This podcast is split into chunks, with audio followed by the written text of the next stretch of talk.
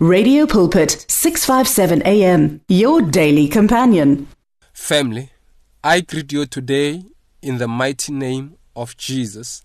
I am Pastor Jones Maleka from Radio Pulpit in Pretoria, South Africa. So, family, today I would like to teach on this subject touch not his anointed. We must be careful, family, about what we say, the words we speak, the words that are spoken into our lives and the loved ones, the words that we speak upon the anointed of God. We have to be blessings, be blessing upon them. When we bless them, God will bless us. That is in the word of God. As God said to Abraham, I will bless those who bless you, and I will curse those who curse you. So we have to be blessing upon the lives of people. We must speak life. We must not curse because if you speak negative words over other people, you are cursing them.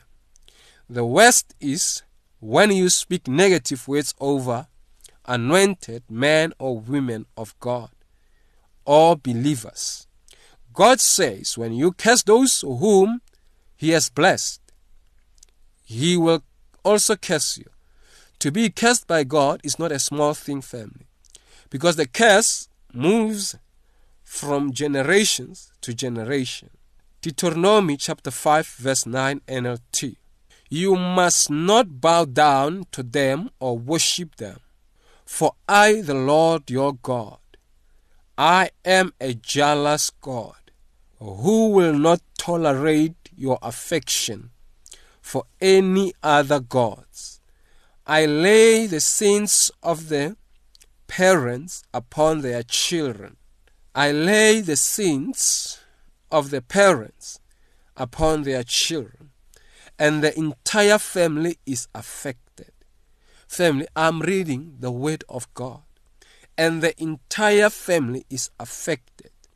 Even children in the third and fourth generations of those who reject me. We can clearly see that curses can flow from one generation to another because of the sins.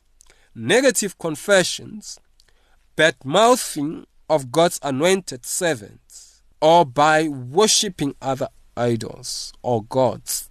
There are some believers who are known for worshipping the same gods and idols through their generations, and they are going through the same problems, which are but not limited to sicknesses or diseases because they are worshipping foreign gods that are not even really gods, and curses are taking over their lives.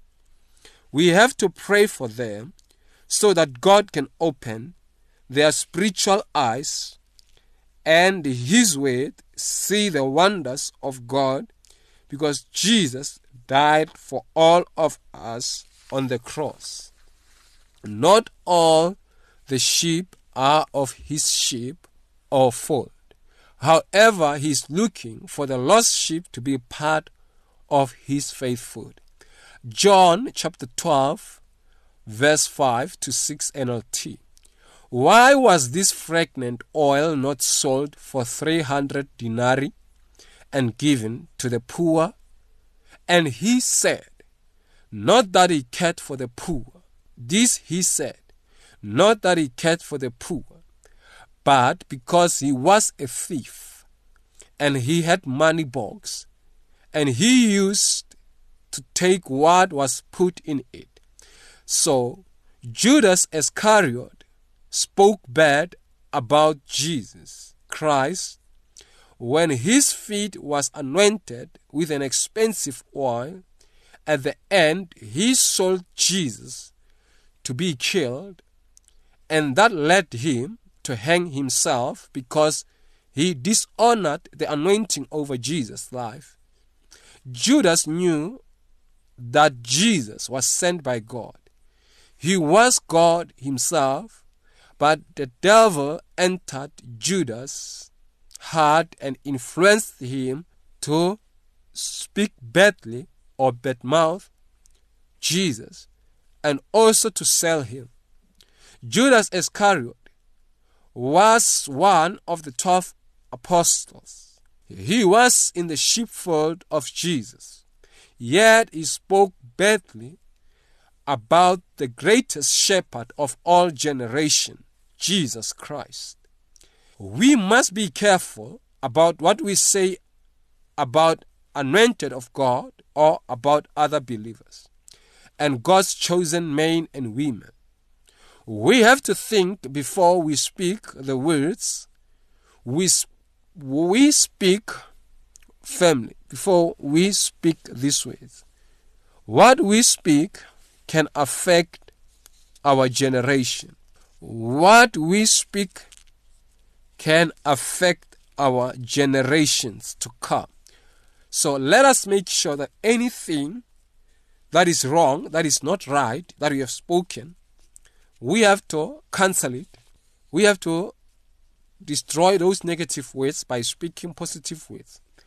We should not badmouth our shepherds, the anointed of God, our leaders, the fivefold ministers and believers, because they are God's chosen people. God has declared them blessed so let us read the book of Numbers, Numbers 23, verse 8, and New King James Version. How shall I curse whom God has not cursed? And how shall I denounce whom the Lord has not denounced? Let us read the book of Numbers 12, verse 1 to 13, New King James Version we read about the dissensions, dissension of Abraham and Miriam. Then Miriam and Aaron spoke against Moses. They touched Moses because of the Ethiopian woman whom he had married. And he had married an Ethiopian woman, so they said, Has the Lord indeed spoken only through Moses? Has he not spoken through us also? And the Lord heard it. Now the man, Moses, was very humble, more than all men who were on the face of the earth.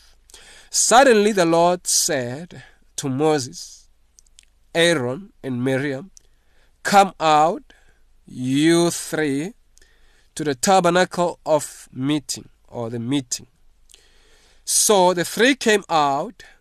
Then the Lord came down in the pillar of cloud and stood in the door of the tabernacle and called Aaron and Miriam, those who touched God, and they those who touched Moses. And they both went forward. Then he said, Hear now my words. If there is a prophet among you, I, the Lord, make myself known to him in a vision. I speak to him in a dream. Not so with my servant Moses. Family, some people you cannot touch and go free. Not so with my servant Moses. Be careful of who you touch. That is why it's so important not to touch the anointed of God. He is faithful in all my house. I speak with him face to face. So, in other words, God was saying to these people, I speak to Moses face to face. Now you are coming against my servant. You are coming against the anointed of God. You are coming against the decrees of God, even plainly and not in dark sayings. Not in dark sayings. He sees the form of the Lord, why then were you not afraid? Why then were you not afraid to speak against my servant Moses? God asked. So the anger of the Lord arose against them, And he departed. And when the cloud departed from above the tabernacle, suddenly Miriam became leprous.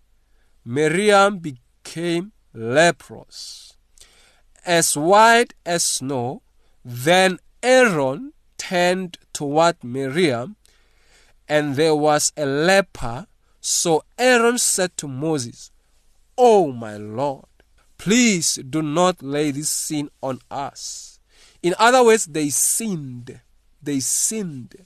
Speaking against the anointed, it's a sin. They sinned. In which we have done foolishly and in which we have sinned. Please do not let her be as one dead, whose flesh is half consumed, and he comes out of his mother's womb. So Moses cried out to the Lord, saying, Please heal her, O God, I pray. Moses was communicating with God concerning the Israelites. When Moses came down from the mountain, he found that the Israelites were having other teachings, doctrines that were contrary to what he taught. Moses was called by God to feed and to lead the sheep to the promised land. Let us find out what Moses did with the false doctrines and the teachings that led to the worship of idols. Exodus chapter 32, verse 19. So it was as soon as he came near the camp that he saw the calf and the dancing. So Moses' anger became hot, and he cast the tablets out of his hands and broke them at the foot of the mountain. Then he took the calf which he had made, burnt it in the fire, and ground it to the powder. And, uh, and he scattered it in the water and made the children of Israel drink it. When Moses' family was still busy conversing with God, Aaron, who was Moses' assistant shepherd, made a calf, came with a false teaching for the Israelites to hear and follow instead of hearing and following the voice of God that came by Moses their shepherd. Matthew 23, verse 13, NLT. What sorrow awaits you, teachers of religious law, you Pharisees, you hypocrites, for you shut up the door of the kingdom of heaven in people's faces. You won't go in yourselves, and you do not let others enter either. So Jesus said to the Pharisees, Who unto you a good shepherd will always take good care of the sheep. If the sheep are grazing pastures which are not healthy, then a good shepherd will direct them to greener pastures. You cannot be in an unhealthy church, ministry, or feed on unhealthy pastures and still grow spiritually. Ephesians 4 verse 13. This will continue until we will until we all come to such unity in our faith and knowledge of God's Son that we will mature in the Lord, maturing up to the full and complete standard of Christ. Apostle Paul family, who was called by Jesus, the greatest shepherd of all generation, to shepherd his sheep, was indeed feeding the sheep of God healthy pastures. Samuel's sons were judged, but they did not do the right thing just like the sons of Eli. Samuel was raised and mentored by Eli. The anointing of Eli rubbed upon this young man. The knowledge was imparted upon this young prophet. That is why he taught him how to recognize the voice of God. Raise your right hand and say, God's word is faith food, it is light unto my path. Raise your right hand and say this. Say, Thank you, Jesus. You died for me on the cross and rose from the dead on the third day. I am born again. I am spirit filled. My name is written in the book of life. Holy Spirit, please fill me right now. Fill me right now. Thank you, Lord Jesus. I love you with all of my heart. Family, congratulations. You are born again. Amen. The words of the Lord are words of life. Your heart is on 657 AM. 657 AM. Radio for believers in action.